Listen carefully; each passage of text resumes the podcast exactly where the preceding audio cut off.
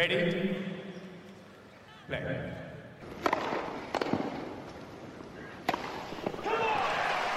Merhabalar, Raket Servisi hoş geldiniz. Ben Gökalp. Ben Anıl, merhaba.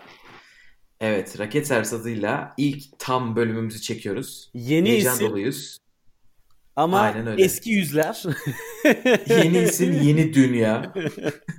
İnanılmaz negatif bir ortamda e, pozitif bir şeyler olsun. Konuşacak, en azından birbirimizle konuşalım diye hasretle bu bölümü bekledik. Ve kayıttayız. evet Ama yani nasıl? Gökalp iyiyim. Ee, biliyorsun benim de son seyahatlerim epey maceralı oldu. Dubai'de mahsur kalma durumum, riskim vardı. Neyse ki artık evimizdeyiz ve evimizde kalmaya devam edeceğiz. O yüzden bol bol kayıt yapmayı düşünüyoruz. Ee, o yüzden ne kadar çok öneri verirseniz bize o kadar ilham kaynağı olur. Biz de buradan evimizden sizlere e, ulaşırız. Aynen öyle. Biz herkes kendi evinden bağlanıyor bu kayda. Onun için e, bize söylenenlere uyuyoruz biz. Siz de kalabildiğiniz kadar evde kalın. E, bu durum bu zamanlar böyle geçecek. E, bir tabii bu programda büyük e, kısmında korona ve koronanın tenise olan etkisini konuşacağız. Takvime olan etkisini konuşacağız ama bir gündeme girmeden önce e, bir iki teşekkür edeyim. Ondan sonra girelim. E, bizim bu yeni e, podcast'a geçiş sürecinde hem böyle isim aşamasında, isim bulma aşamasında e, bir sürü fikir danıştığımız arkadaşımız oldu. Onlara buradan teşekkür ederim. Hem de e, bizim Raket Adam adını verdiğimiz logomuzda e, raket servisi yapan bir arkadaş var. Onu tasarlayan Ceren Başak Araz'a da buradan teşekkür edelim. E, biz çok beğendik. İnşallah siz de beğenmişsinizdir. Ben de Ceren'e çok teşekkür ederim. Onu teşekkür etme imkanım olmamıştı. Aynen öyle. Ceren e, normalde tenisi çok takip etmiyor ama artık bu kısmı dinlemesi için anlayacağız. Zorlarız. Deyip evet konumuza girelim. Bugün günlerden Korona. 16 Mart. 16 Mart ve koronanın tenise e, vuruş yapışının üzerinden tam bir hafta geçti ama iki sene geçmiş gibi hissediyoruz. Geçen hafta bu zamanlar Indian Wells e, iptal edildi haberiyle uyandık. Gerçekten çok değişik bir gündü. Twitter'dan görüp e, tenisle ufak tefek alakası olan herkese forward ettim gördüğüm mesajı. Ama yani hakikaten nasıl ya? Ne oluyor? Biraz abartmıyorlar mı? Amerika'da daha bir şey yok ki bu neyin iptali falan diye bir hayal kırıklığı oldu. Yani bizim tabii biraz tenis tutkumuz üst düzey olduğu için hani ya oynansın falan deyip sağlığı biraz o aşamada insan çok düşünmemişti ama bugün şunu diyorum hani iyi ki de tedbirler alınmış. Bugün futbolda, basketbolda korona e, testleri pozitif çıkan isim sayısı fazla ise bu da bu turnuvalardaki ki tenise göre tedbir temasın çok daha fazla olduğu sporlar olmasına rağmen e, iptal edilmemesi. Tenisi bu noktada en azından oyuncuları sağlıklı tuttu ki teniste bireysel oyuncuların sağlık durumu tabii ki çok daha kritik. Çünkü herkes kendinden sorumlu. Aynen öyle. E, Anıl'la şöyle yapalım dedik. İlk önce bir haberleri bir özetleyelim size. Hani siz de e, bir özet geçmiş olalım sizin için. Ondan sonra bu oyuncuların tepkileri neler oldu? E, bir sıralama gibi böyle teknik konularda neler oluyor? Bir de e, finansal e, boyutu ne bu işin? Yani e, tenisin e, diğer sporlara göre farklı olarak etkileyen neler var? Ama ben de sana katılmadan geçmeyeyim. E, bu biz bir hafta önce bu haber duyulduğunda çoğu kişi hatta bazı oyuncular şöyle anketler yapıyorlardı Twitter'da. Abartılıyor mu? Abartılı mı buluyorsunuz bu tepkiyi yoksa yerinde bir karar mı? Hani o kadar e, biraz ortadaydık ama bir haftada o kadar fazla şey oldu ki çünkü Indian Wells eğer hatırlamıyorsanız Indian Wells'in iptali bütün büyük spor organizasyonlarının iptalinin ertelenmesinden önce geldi. Yani ne NBA ne March Madness işte NCAA ne Avrupa'daki futbol ligleri hiçbir hiçbir şey ertelenmemişti. Çat diye 6 hafta birden tak diye koydu ortaya yani 6 yani haftayı. bir de ilk başta o 6 haftadan önce de hani Indian Wells'in kendi başına Coachella Vadisi'nde tek bir işte e, vaka var diye ertelenmesi e, bir de çok son dakika oldu. Hemen oradan haber kısmına geçelim. E, Indian Wells 9 Mart'ta açıklanıyor ki 10 Mart'ta e, yani 9 Mart pazar akşamı Kaliforniya'da açıklanıyor. 10 Mart sabahı normalde elemelerin başlaması lazım. O kadar son dakika bir şey e, haberden bahsediyoruz. Bütün oyuncular oradalar tabii ki. Eleme oynayacaklar özellikle. Ve diğerleri de e, normalde Üniversite biraz daha erken gidiliyor. Bazı birkaç oyuncu grubundan e, onları ayrı tutalım. Çünkü Davis Cup oynayanlar vardı. Kadınlarda işte Meksika'da, e, Lyon'da turnuvası olanlar vardı. E, ama e, şöyle bir enstantane var. Yani Marton Fucovic mesela Macaristan Davis Cup e, takımıyla beraber onlar tur atladılar. Ve Madrid'de finallere gidecekler. E, bu işte tarihlerinde ilk defa olduğu için onu kutlamak için Marton Fucovic bir gün ekstra kalma kararı almış. O akşam parti yapmışlar. Onun sayesinde hani Indy Üniversite git gel yapmaktan kurtuluyor ama tabii bütün oyuncular oraya gittiler. Daha yeni gelmiştim ben. Haberi aldım diyen bir sürü oyuncu. 9 Mart'ta bu açık şey oldu. Karar alındı. E, tabii herkesin merak ettiği şey kararı kim aldı? E, ben Twitter'da ertesi gün şeye yazdım. E, The Athletic takip edenler var mıdır bilmiyorum ama e, bu e, online spor e, portalı. E, onun böyle spor iş dünyası yazarı Daniel Kaplan bu konulara biraz yakın. Hani şey dedi e, bir, bir sordum hani bunu kim iptal etmiş olabilir diye şey yaptığımda. O da dedi ki e, Riverside Belediyesi hani o otorite iptalini istemedi gibi bir şey dedi. E, hani bu da şu demek oluyor. Ya oyuncular iptalini istemiş olacaklar ya turnuva iptalini istemiş olacak. E, çünkü o Miami'nin iptal edilmeyeceğini düşünüyordu o sürede. Ki Miami de gerçekten onun bana verdiği cevaptan bir gün sonra ya da o gün e, Miami devam edecek gibi düşünüyoruz. Gibi bir tweet paylaşmıştı ama hepsi mazide kaldı. E, 11 Mart'ta yani 12 Mart'ta şey oluyor. Anıl'ın başta dediği gibi 6 hafta boyunca ATP'de e, turnuvaların iptali e, haberi duyuruluyor.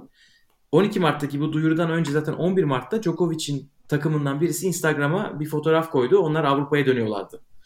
Yani evet. o, o haberler açıklanmadan önce ki konuştuğum, konuşacağımız yerlerden birisi de bu olacak. Çünkü iletişimde bir sıkıntı olduğu söyleniyor bazı oyuncular tarafından. Sonra aynı gün 12 Mart'ta ITF de o 6 hafta boyunca e, turnuva oynanmayacağını söyledi. WTA değişik bir şey yaptı ve kendileri açıklama yapmadılar. E, turnuvalara açıklama yapmak yaptırmak istemişler. Bugün ilk defa e, net bir açıklama geldi WTA'den. Aynen. Aynen. Bugüne kadar hiçbir şey gelmedi. 16 Mart'ta yani ilk defa geldi. 2 Mayıs'a kadar. Çok pardon Gökalp lafını böldüm. Yok yok aynen orada devam çektim. Çok doluyum çünkü. Yani ATP, WTA dünya yıkılıyor. Ulan şu konuda bile pardon ulan dedim. Yani şu konuda bile bir araya gelip bir fikir birliğine varamıyorlar. Yani böyle saçma bir şey olabilir mi ya? Bir evet, karar verin kardeşim. Kadın erkeği mi var bu işin? Ee, Hindistan'ı, Macaristan'ı, Brezilya'sı mı var? Nerede turnuva oynanıyorsa gelin bir araya konuşun karar verin beraber ya. Yani bunun bu kadar e, sporcular için çok çok zor bir şey. Yani özellikle e, biraz daha tabii sponsorsuz seyahat eden sporcular için inanılmaz kaotik bir ortam. Evet yani onlar şöyle yaptırdılar. 12 Mart'ta iki turnuva açıklandı. Miami ile Charleston'ın iptali. 13 Mart'ta Bogota ile Guadalajara yani böyle sıra sıra WTA turnuvaları açıklattı bugüne kadar. Aynı senin dediğin gibi e, bir şey dinliyorum. E, Tennis Channel'da galiba konuşuyorlardı. Yani diyorlar ki hani WTA gibi bir yerde otorite eksikliği olamaz. Çünkü oyuncuların teker teker aa bu turnuva iptal olmuş mu, şu da olmuş mu diye bir şeye bakmaması lazım. Yani onların WTA organizasyonundan direkt evet şu zamana kadar oynamıyoruz ya da şu zamana kadar sadece şurada oynayabilirsiniz diye direkt talimat almaları gerekiyor. O gerçekten çok geç geldi. Ki şu anda bile biraz şey yaptılar hani 2 ee, Mayıs değil mi? 2 Mayıs'a kadar dediler. İşte en son kendi başlarına şey açıklamış oldular. Stuttgart, İstanbul ve Prag. Bu üç turnuvayı açıklamış oldular. Ee, o durumdayız. Şu anda erkeklerde 27 Nisan'a, kadınlarda da 2 Mayıs'a kadar bir turnuva oynanmayacak. Buna İstanbul Cup'ta dahil ki turnuvanın inşaat olarak yetişip yetişmeyeceği de muallaktaydı belki de organizasyonel olarak bizim itibarımız açısından iyi olmuş olabilir. Aynen öyle. İstersen e, şeye geçelim buradan e, artık yani bir hakikaten bunun oyuncular oyuncuların e, bu konuda neler hissettiklerini biraz konuşalım. Tabii. Yani benim ilk geçen hafta algıladığım durum şuydu. Hepsinin oynayası vardı ya aslında neden iptal edildi falan gibisine. Yani seyirciler hangi moddaysa oyuncular da biraz o moddaydı geneli itibariyle gibi algıladım. Ben hani gerek Twitter'dan paylaşımlar, Instagram'dan paylaşımlarla e, aldığımız e, tutum. Fakat bu hafta hepsi de iyi ki de böyle bir şey yapılmış kafasına dönmüşler gibi hissettim ben. Ee, hani bu tabii genel algı. Bilmiyorum sen ne düşünüyorsun? Evet evet bence her yerde öyle çünkü bu hafta gerçekten çok fazla şey yaşandı. Bir de normalleşiyor. Yani devlet başkanları ya da daha büyük spor organizasyonları bu tarz kararlar verdiği zaman e, tenisin verdiği bu karar hatta Aa, biz bakın öncü davrandık gibi bile görülüyor. En baştan beri doğruyu yapıyoruz. Hani ilk zaten biz iptal ettik. E, çünkü zaten hepiniz görüyorsunuzdur Twitter'da şu anda her yerde e, grafikler, işte tablolar, eksponansiyel artan e, hasta sayıları, e, simülasyonları falan dolaşıyor. Herkes analiz uzmanı oldu bir anda ya vallahi. Herkes, herkes. Global olarak analitik zeka gelişti. aynen önce, aynen öyle. e, oyunculardan ben de baktım. E, yani tabii insanın tenis izlemeyince biraz zamanı kalıyormuş bizim gibi. baktım evet. işte sosyal medyalarına falan bayağı hakimim. E, değişik şeyler var. E, Andrea Petkovic bir kitap kulübü başlattı. Bu süreçte beraber e, okumak istiyorsanız e, Instagram'da Racket Book Club diye bir sayfa açtı. Onunla beraber kitap okuyup beraber yorum yapabilirsiniz. E, Daniel Collins evine gym yaptırıyormuş bu süreçte. E, en ilginçlerinden birisi Yaroslava Shvedova. E, Shvedova doğumdan geri dönüyordu. E, 2018'de doğum yapmıştı. Ve galiba ilk turnuvası olacaktı. Ya da böyle ilk evet. oynadığı turnuvalardan birisiydi Indian Wells. E, Kazakistan'a dönerken uçağında Milan'dan birisi varmış. Ve onun için Kazakistan'a vardığında karantinaya alınmak zorunda kalmış. E, işte hayat böyle bir şey. İlk defa şey yapacaksınız. Ki bu arada çiftler oynayacaktı Vanya King'le beraber. Vanya King de e, ne denir ona? mı kaldı? Hayır yok. E, o da zaten son turnuvalarını oynuyordu. Hani sembolik oynuyordu. Artık kariyerimi sonlandırıyorum. Beraber e, Grand Slam kazanmışlardı. O da kariyerini sonlandırma turunu e, yapamıyor. Olacak büyük ihtimalle. E, Benoit Per e, Cancun'da mahsur kalmış. Çok üzgünüz. Tatil Allah köyünde. başka dert vermesin. Zaten biliyorsun yani Benoit Per tenis oynamak istemiyorum deyip deyip duruyor. Ve sonra kendini böyle 6 haftada 7 turnuvaya falan yazdırıyor. Yani ona yaramıştır herhalde. Evet. E, ya e, şu var. Yani mesela bu süreçte çok uç bir örnek olacak ama Nadal'la John Millman veya Tennis Sandgren'di. Tam hatırlamıyorum şimdi ismi. Indian Wells'da antrenman yazdırıyorlar. Ee, ondan sonra Nadal gidince John Millman. Ha, John John Millman'a diyorlar ki ya sen seri başı değilsin sen bu merkez kortta antrenman yapamazsın diyorlar. Ya oyuncu yok ortada adama merkez kortta antrenman yaptırmadılar. Hani orada ben bu sürece çok antipatik yaklaşmıştım. Her yerde ee, bürokrasi. Evet, evet. Ama yani e, tabii ki bunlar işin küçük ayrıntıları fakat hani şeytan ayrıntıda gizlidir derler ya burada esasında şunu e, bir kez daha gösteriyor alınan kararların, yapılan uygulamaların birçoğu top 10 oyuncularını göz, e, göz önünde bulunarak alınıyor. E, teniste hakikaten belli bir seviyenin üstünde değilseniz mücadele etmek çok çok zor e, açıkçası. Yani o duvarı aşmak en büyük sıkıntı ki hani burada işin maddi boyutu da devreye giriyor. Hani diğer konuya böyle paralel bir geçiş yapmak gerekirse. Büyük oyuncuların hepsinin sponsorluk anlaşmaları, uçuş, konaklama vesaire zaten hiçbir şey para vermiyorlar. Ama bu turnuvaları para kazanarak e, devam ettirebilen oyuncular için tabii ki bu süreç çok çok büyük bir zorluk oldu. Çünkü hepsi işsiz. Yani bir kulüp takımının oyuncusu değil ki bir senelik aldığı bir para bir sözleşmesi yok. Sponsorluk gelirleri ilk 50'nin ilk yüzün dışındaysanız zaten kuş kadar. Yani şu an tenise başlamak için herhalde en az talebin olduğu dönemdir spor olarak. Hiçbirinin SSK'sı yok. Emekli de olamıyorlar. evet yani hakikaten konu çok değişik burada tenis için. Yani özellikle diğer sporlara kıyasla bireysel sporların çok e, dezavantajı var. E, Anıl senin dediğin gibi yani burada sabit gelirleri yok sponsorluk dışında. Sadece sponsorluk geliriniz varsa işte e, bu şu olabilir. Birisinin reklamına çıkıyor olabilirsiniz ya da giydiğiniz kıyafetin üstünde onların logosu vardır. Sadece oradan gelen bir sabit geliriniz var. Onun dışında kaç para kazanacağınızı bilmiyorsunuz. 2020 senesi içerisinde mesela. Ne kadar turnuva oynarsanız da o kadar çok para kazanma ihtimaliniz e, var. Ki bu hani ilk 10, ilk 30, 40 değil de biraz daha dışındaki insanları çok çok ilgilendiriyor. Çünkü bu insanların sürekli giderleri de var. Özellikle hani 50-100 arası diyelim.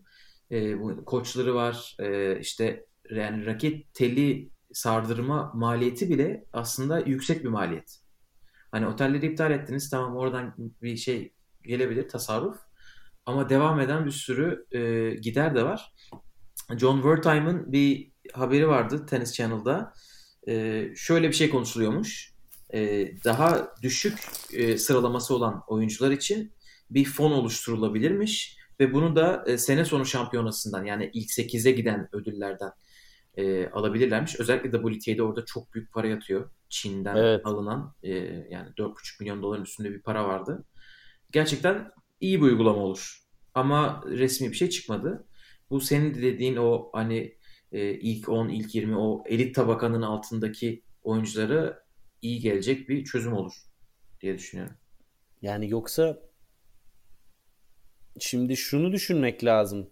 Mesela hani Başak e, Eraydın bizim kendi sporcumuz da geçen hafta çıktı televizyona e, Dünya Kadınlar Günü'nde konuştu. O da mesela İtalya'daki turnuvaları iptal oldu, gidemedi. Hani bu çok e, sadece bizim ülkemizden bir tane örnek. Bütün hayat planlaması değişiyor.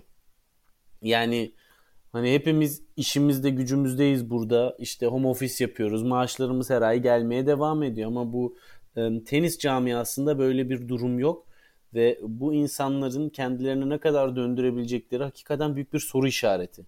Bu da tabii ki koronanın ne kadar uzun süre kalmaya devam edeceğinin göstergesi. Şey bu konuda çok önemli bir faktör. Korona ne kadar uzun süre kalacak? Ne kadar uzun sürerse bu insanlar o kadar para kazanamayacaklar ve belki de antrenman yapmayı vesaireyi bile çok zor finanse eder dur hale gelecekler. Bu da tabii ki işin e, tenis kalitesine de yansıyacak kritik bir boyutu. Evet şu anda bu arada biz bunları konuştukça koronanın hani tenis camiasını nasıl etkilediğini bunlar tabii ilk birinci dünya problemleri gibi geliyor olabilir ama biz tamamen hani tenis podcast olduğumuz için bu şekilde konuşuyoruz. Yoksa koronanın tabii ki çok daha büyük ekonomik ve e, psikolojik toplumsal etkileri var. Ama e, tenise odaklanıyoruz tabii ki. E, bu, evet. bu ertelemeler kararı alınırken nasıl yapıldığına dair iki tane röportaj var. E, siz dinleyicilerimiz için e, Diego Schwartzman'ın Arjantin yerel radyo kanalına verdiği İspanyol röportajı çevirdik. Ne yazık ki onu yayınlayamayacağız ama ben anlatacağım şimdi arkadaşımdan aldığım noktaları. Bir de e, Taylor Fritz yine Tennis Channel'a konuşmuş. İkisinin söylediği ortak bir şey var. E, ATP'de ilk 100 oyuncularının olduğu bir WhatsApp grubu var. Şimdi burada bir güzel bir magazin şeyi. Bilmiyorduk. Bunu Aynen. yeni öğreniyoruz. Aynen. Bu, bu bundan haberimiz yoktu. Big Three'nin bir WhatsApp grubu olduğunu Djokovic açıklamıştı. Diego da top 100'ün olduğunu açıklamış oldu. Aynen. Hem Fritz söyledi hem Schwartzman. Ee, bu arada Schwartzman şey diyor. E, ilk yüzdeki 95 oyuncu var diyor. Ve e, ben de başta güldüm. Sonra şey diyor. E, hani kimin olduğunu hatırlamıyorum. Olmaya, belki de vardır herkes gibi böyle kıvırıyor orada. E, Taylor Fritz'in röportajıyla birleştirince Taylor Fritz şey diyor. Bu WhatsApp grubu diyor bir buçuk yıl önce e, bu oyuncu sendikası muhabbetleri olduğu zaman başladı. Hani aslında o biraz sendika için e, fikir alma ve belki de kendi görüşünü yayma grubuymuş. E, grubu Vaşek Pospisil kurmuş ve moderatörleri Pospisil ve Djokovic'miş. Nasıl ama? Derin tenis. Çok fena. Buradan buradan ayrı malzeme çıkar ama e, o zaman podcast biraz uzar. yani sırf, biraz uzar. Sırf hani bu grubun kurulma amacından ve işte moderatörlerden dolayı acaba dedim Schwartzman'ın söylediği 95 doğru ve dışarıda kalan 5'ten mesela birisi bir Federer olabilir. Birisi yani. Nadal olabilir. Evet Nadal var mı? Nadal röportajda geçiyor muydu tam emin olamadım ama. Ama olabilir Federer, de. Federer'in kankası Wawrinka olabilir. Aynen, aynen bunu hep düşündüm. Dedim Federer dışarıdaysa kimden laf alıyordur? Fe- Federer'in padavanı Zverev olabilir. Ha Zverev'den alıyordur ya doğru. Gerçi Zverev de Federer'i takip etmiş olabilir doğru diyorsun. Ee, Taylor Fritz'e şey soruyorlar. Ee, şaşırttı mı nasıl karşıladınız? O şey diyor hani hani karar anında artık çok şaşırmadık çünkü e, bunlar bir gün boyunca konuşmuşlar. Oyuncu konseyindeki e, oyuncular gruba yazıyorlar. Diyorlar ki işte böyle bir durum var. E, Indian ve hatta 6 haftayı konuşuyorlar. Yani 6 hafta kararı aslında ATP şey tarafından değil direkt o oyuncular tarafından alınmış bir karar gibi gözüküyor şu anda. 6 hafta erteleyelim mi arkadaşlar diyor mesela. Ee, orada bir gelip gidiyor. Bazıları şey diyorlar. E, seyircisiz oynanamaz mı? Sonra e, şey denmiş. Hani seyircisiz oynansa bile orada olan insan sayısıyla işte hakemidir, top toplayıcısıdır bilmem nesidir. Yani er ya da geç birisine bulaşacak ve onun önüne geçme yolu olduğunu sanmıyoruz diyorlar. Ve orada diyorlar ki evet 6 hafta erteleyelim. Ee, sonra orada şeyi soruyorlar. Erteleme kararı işte 12'sinde çıktı ama Djokovic e, Miami iptali duyurulmadan önce zaten dönüyordu. E, Taylor Fritz şey diyor zaten Djokovic diyor ertelense de ertelenmese de Miami zaten gitme kararı almıştı artık diyor. Hani o orada tamam demiş. Ben kendi adıma risk almıyorum demiş. Ve Avrupa'ya dönmüş. Doğrusunu da yapmış. Hani Biraz e, evet evet evet şimdi bakınca doğru çok yani orada tabii ki burada e, bireysel olarak birkaç tane e, etken faktör de var. Mesela e, Andy Murray Miami'de geri dönüş yapma e, düşüncesindeydi. Tabii ki bu gerçekleşemiyor. Ama belki de çim sezonuna daha iyi bir şekilde hazırlanabilir. Çim sezonu olursa tabii ki. E, ve sakat olan isimlerin puan kaybı, etkilenmeme durumu oluyor. O da işin öbür tarafı. Yani şu anda benim e, aldığım izlenimlere göre Gökhan Wimbledon'a kadar bile sıçrayabilir bu iş. Özellikle e, Boris Johnson'ın yaptığı işte biz saldım çayıra mevlam kayıra şeklinde bu e, virüsle başa çıkacağız. İşte yakınlarınız ölecek yapacak bir şey yok. Hadi bakalım hayatınıza devam edin açıklaması salgının çok geniş çaplı olmasına ve e, recovery'nin süresini çok e, farklı bir boyuta çekebilir. Bundan dolayı Wimbledon ve e, aynı zamanda şeyde tehlikede e, daha öncesindeki turnuvalarda. Çünkü w, e, ATP'de yapılan doğru bir karar şimdi WTA'de ona geçti. Hani ülke ülke turnuva turnuva değil çat diye dönemsel olarak kapatıyor işi.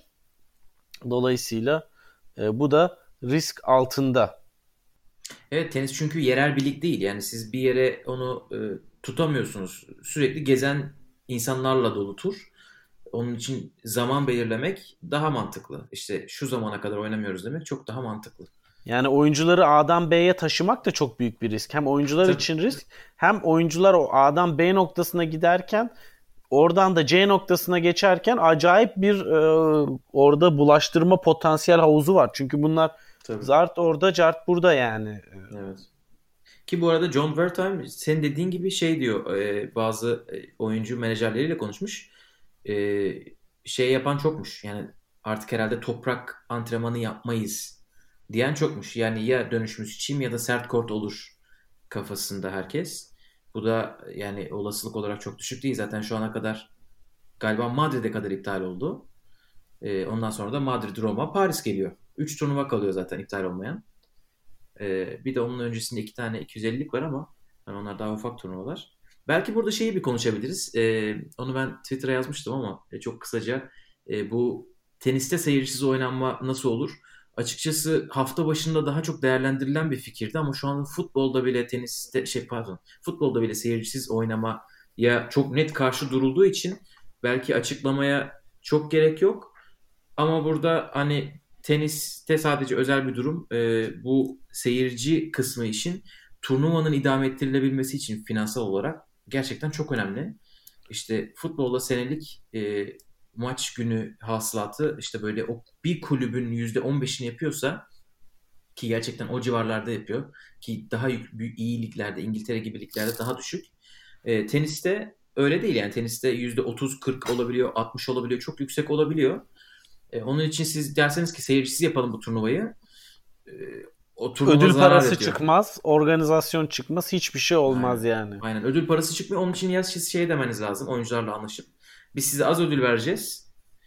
Ee, hani sponsorların fiyatını arttırmaya çalışacağız reklam e, şeyimizi, ücretimizi.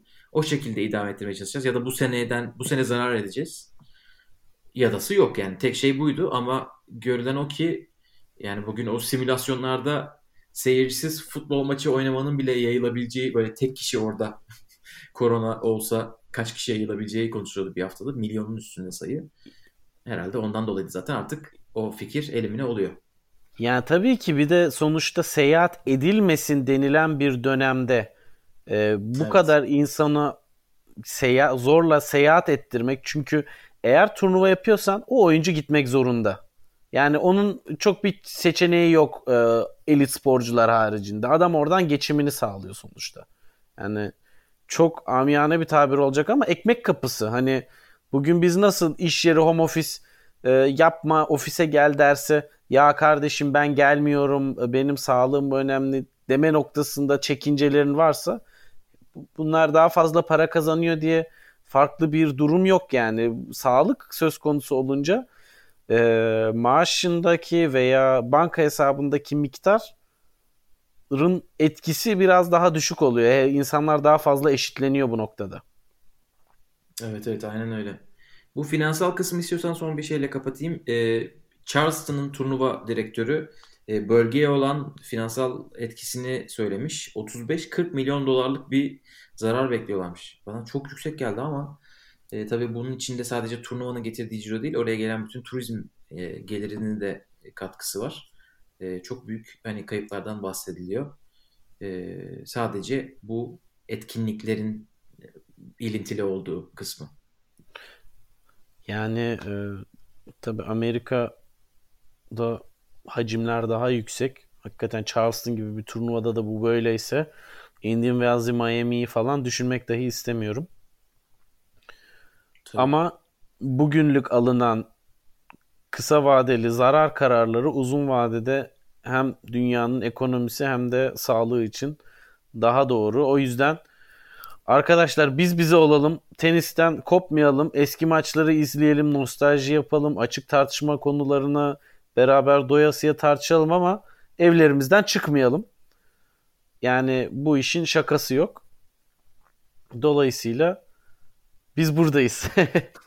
Aynen öyle. Biz bol bol bölüm yapmaya çalışacağız. Ee, sizin son e, gönderdiğiniz bütün şeyleri de aldık. Teşekkür ederiz. Ee, hani konu önerilerini. Teker teker onları böyle ya ya ya yap, yapalım diyoruz. Hepsini bir kere de evet, harcamayalım. Evet. Bol bol iletişimde kalırız. Ee, Ve... Bir şeyi konuşalım istersen. Sıralamaya etkisini. Biraz burası en, artık spekülatif en, olacak. Burası en, hakikaten en heyecanlı kısmı. Yani bu yine bir bir anlamda e, şu noktaya geliyor yine. WTA ve ATP'nin ortak hareket etmesi gereken bir nokta olduğu için tabii ki yine bu konu son derece muğlak kaldı. Ve esasında işin iki farklı bacağı var. Bir, eğer ki turnuva oynanmadıysa ve ben o seneden puanım varsa yerine geçen bir puan yokken benim e, puanım neden çöp oluyor? Bu birinci e, ana fikir. İkincisi de şu. Ya bu adam geçen sene burada puan topladı ama A sakat olabilir. Federer örneği mesela. B çok formsuz olabilir. Bu adamın niye Haybe'ye e, puanı düşmesi hemen hemen garantiyken böyle bir durumda e, puan sıralaması yukarıda kalıyor. 3 sıralama puan kaybı toprakçı oyuncuların puan, e, toprakta ve sezonun ilk döneminde topladığı puanların gitmesiyle ikinci dönem mesela adam sakat geçirdi, az turnuva oynadı. Bir anda sıralamaların dışına çıkıp turnuvalara katılamıyor. Bir de böyle bir durum var. Dolayısıyla e, bu üç nokta herkes için kim konudan etkileniyorsa onun için çok hassas bir nokta ve hani anlayacağınız üzere bütün tenisin devamını etkileyecek bir karar oyuncular açısından ve tabii ki biz izleyiciler açısından. Sen hangi konuda e, sen hangi tezi savunuyorsun Gökhan? E, ya şu anda zaten bir karar verilmedi. ATP çok muğlak bir açıklama Evet. yaptı. Dedi ki işte sıralama konusuna bakıyoruz. Ama dediler e, ITF eventlerinde ATP puanı verilmeyecek. E, Bunu zaten kimse sormamıştı size. Teşekkür ederiz. Zaten ITF'de bütün e, eventlerini iptal ettiğini açıkladı. Aynı gün. Onun için saçma bir açıklama oldu. E, Yani şöyle bir durum var. Etmese Dominic Thiem katılabilirdi. Doğru. Doğru. O bütün Avusturya'daki bütün ITF'lere katıldı. Ülke içinde olup.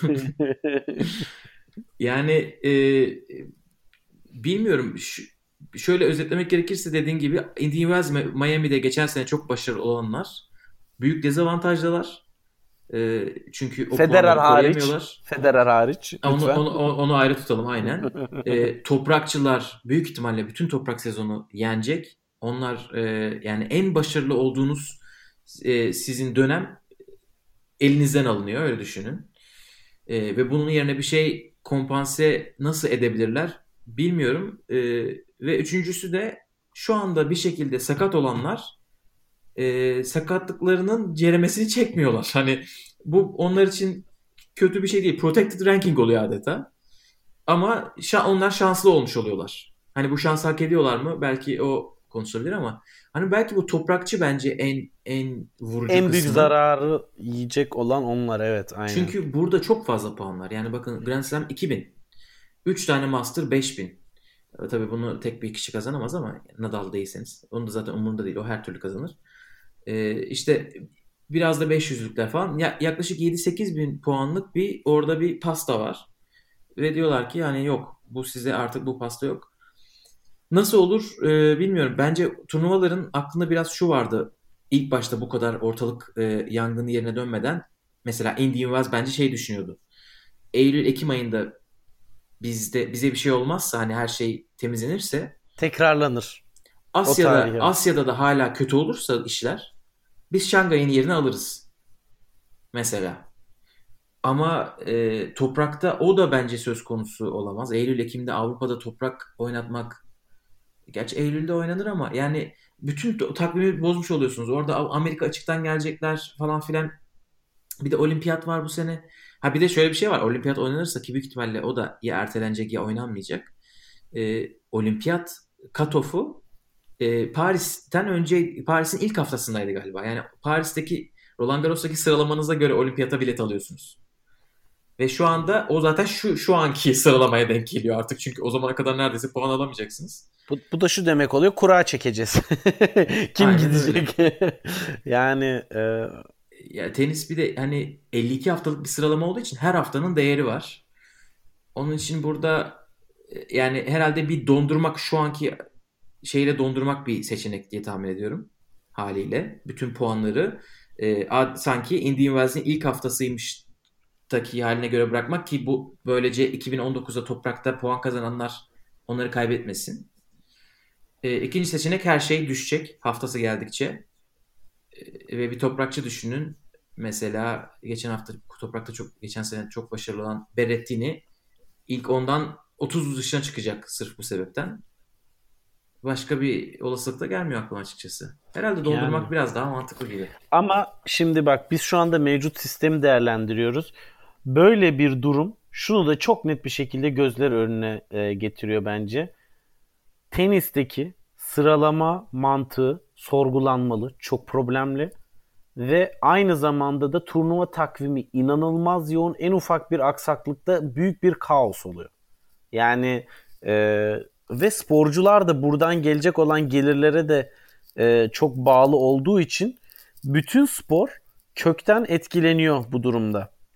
Yani bir şeylerin bu tabii artık bu korona podcast'ine sığmaz bunun tartışma konusu ama e, hem turnuva mantığı hem tenis takvimi hem puanlama sistemi çok kökten tartışılması gerekiyor ve burada tenisin kendini yenilemeye çok ciddi anlamda ihtiyacı var.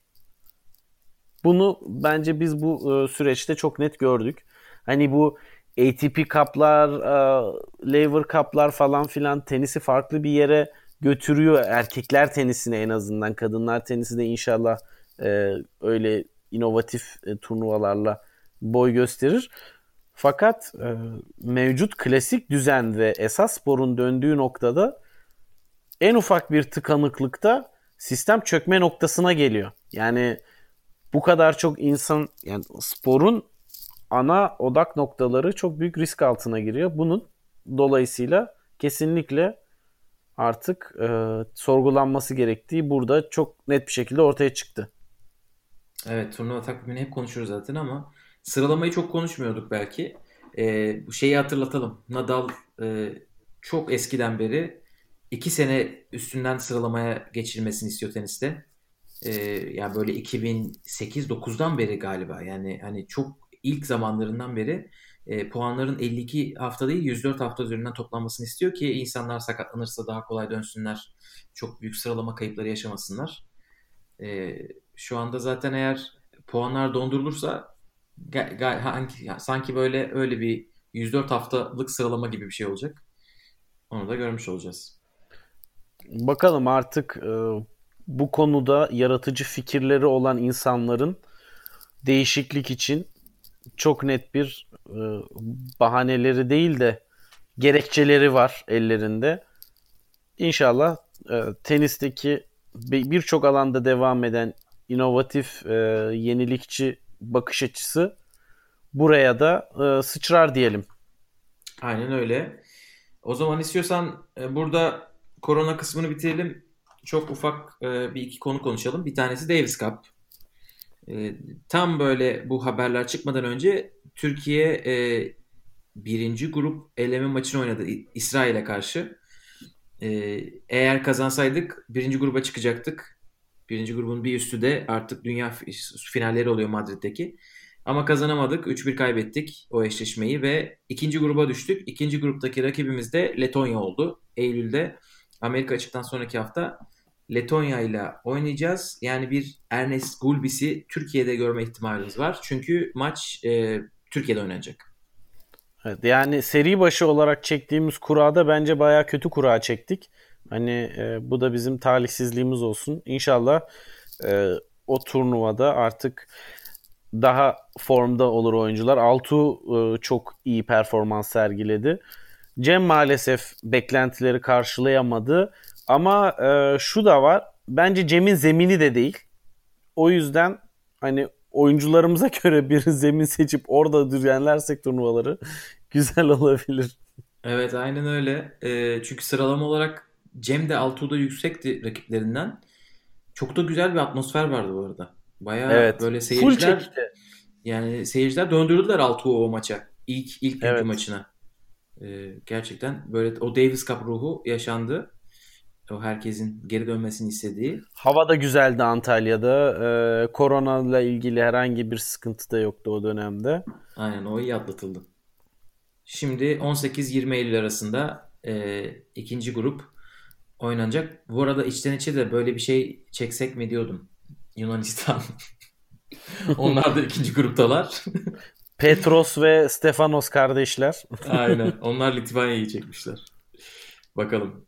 E, ve istiyorsan son bir şey de konuşalım. Onu belki ayrı bir podcast bile yapabiliriz ama yani biz o kadar zaman geçmiş gibi geliyor ki üstünden ama e, Şubat podcast'ını kaydet, kaydettiğimizden sonra Maria Sharapova tenisi bıraktığını açıkladı. Ve biz bunu hiç konuşmadık. evet e, yani evet bunu bunu bence ayrı bir konu yapalım. Ee, Aynen kısa konuşalım bu seferlik. Yani Maria Sharapova konusunda esasında 2010'ları konuşurken Evet evet orada konuşmuştuk doğru. Çok hani konunun detaylarını merak edenler 2010'lar podcast'imizde benim hafif sivri fikirlerimi Gökalp'in nostaljik e, düşüncelerini bulabilirler. Ama onun haricinde tekrardan bir kayıt alalım. Aynen. Öyle kendisi... ya da öyle ya da böyle tenise çok dokunmuş ve tenisi büyütmüş bir isim.